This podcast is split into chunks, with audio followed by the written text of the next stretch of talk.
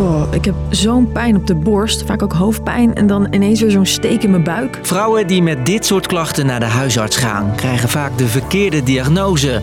Of ze horen dat het allemaal wel meevalt. De pijn in mijn benen werd echt letterlijk gezegd op de deur, nee, dat beeld je in. Al tientallen jaren worden vrouwen bij de dokter anders behandeld. Want de medische wereld is vooral gericht op wat we weten van mannen. We gaan ze even zoeken om het menselijk lichaam. Dus kijk bij afbeeldingen. Ja, er zitten wel een paar vrouwen tussen, maar voornamelijk mannen. En dat moet veranderen, vindt bijvoorbeeld de stichting Voices for Women. Het is uh, heel erg belangrijk dat er veel meer onderzoek uh, wordt gedaan naar het vrouwenlichaam, omdat het mannenlichaam de norm is. Hoe kan het dat mannen en vrouwen niet dezelfde zorg krijgen? En hoe kan dat veranderen? Ik ben Jasper en dat leg ik je uit. Lang verhaal kort. Een podcast van NOS op 3 en 3FM. Kreeg steeds te horen, het zit tussen je oren. En ik dacht, ja, maar hoe kan nou pijn in mijn gewrichten, in mijn benen, hoe kan dat nou tussen mijn oren zitten? Dat Antoinette, die je hier hoorde van een arts, deze reactie kreeg, is dus geen toeval. Al tientallen jaren krijgen vrouwen een andere diagnose dan mannen. Want de kennis die we nu hebben, ontdekten we dik 30 jaar geleden. Een tijd waarin vooral mannen onderzoek deden op mannen. Er zat wel een reden achter, vertelt hoogleraar Annemiek Nap. Omdat het makkelijker onderzoekbaar is. Vrouwen hebben een menstruatiecyclus, die, die kan metingen soms beïnvloeden. En daarom wordt voor zo'n standaard mogelijke situatie vaak de man gekozen als proefpersoon. En wat maakt het ook uit, dachten we toen. Vrouwen zien er van buiten misschien anders uit dan mannen.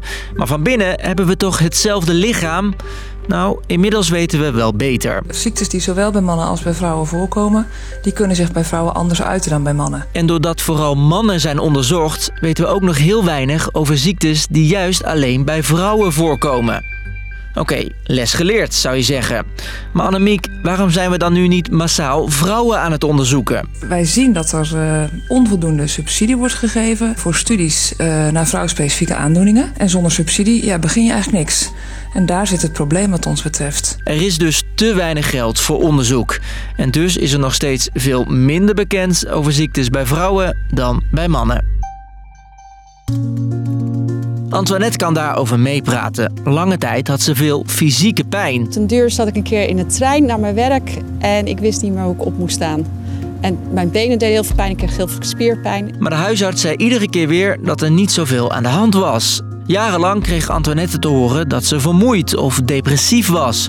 Soms zelfs dat de pijn tussen haar oren zat. En dat vond ik heel erg, want dan uh, als dat vaak genoeg gezegd wordt, ga je echt twijfelen. Je gaat echt denken, heb ik echt pijn? Na jaren kwam ze per toeval bij een andere dokter terecht. Die stuurde haar naar een gynaecoloog en die wist wel wat er aan de hand was.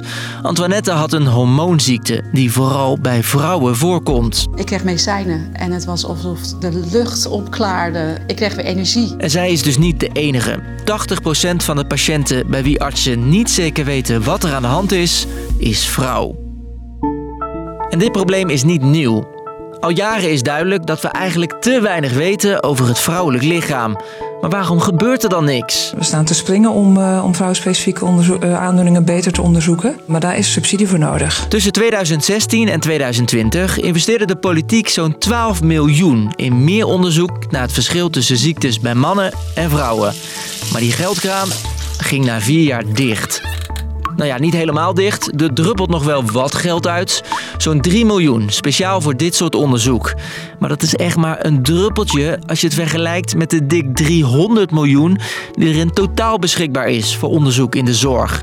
En dus moet die kraan, vindt Mirjam Keijer, weer vol open. Het zit niet altijd tussen je oren. Er moet gewoon meer onderzoek komen naar het lichaam van de vrouw. Met de stichting Voices for Women startte Mirjam een petitie die al meer dan 50.000 keer is ondertekend.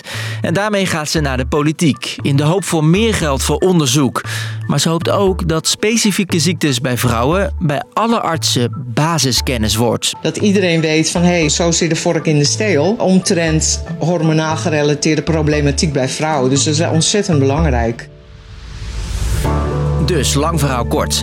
Ga je als vrouw naar de dokter, dan heb je best wel een kans dat je niet de juiste diagnose krijgt.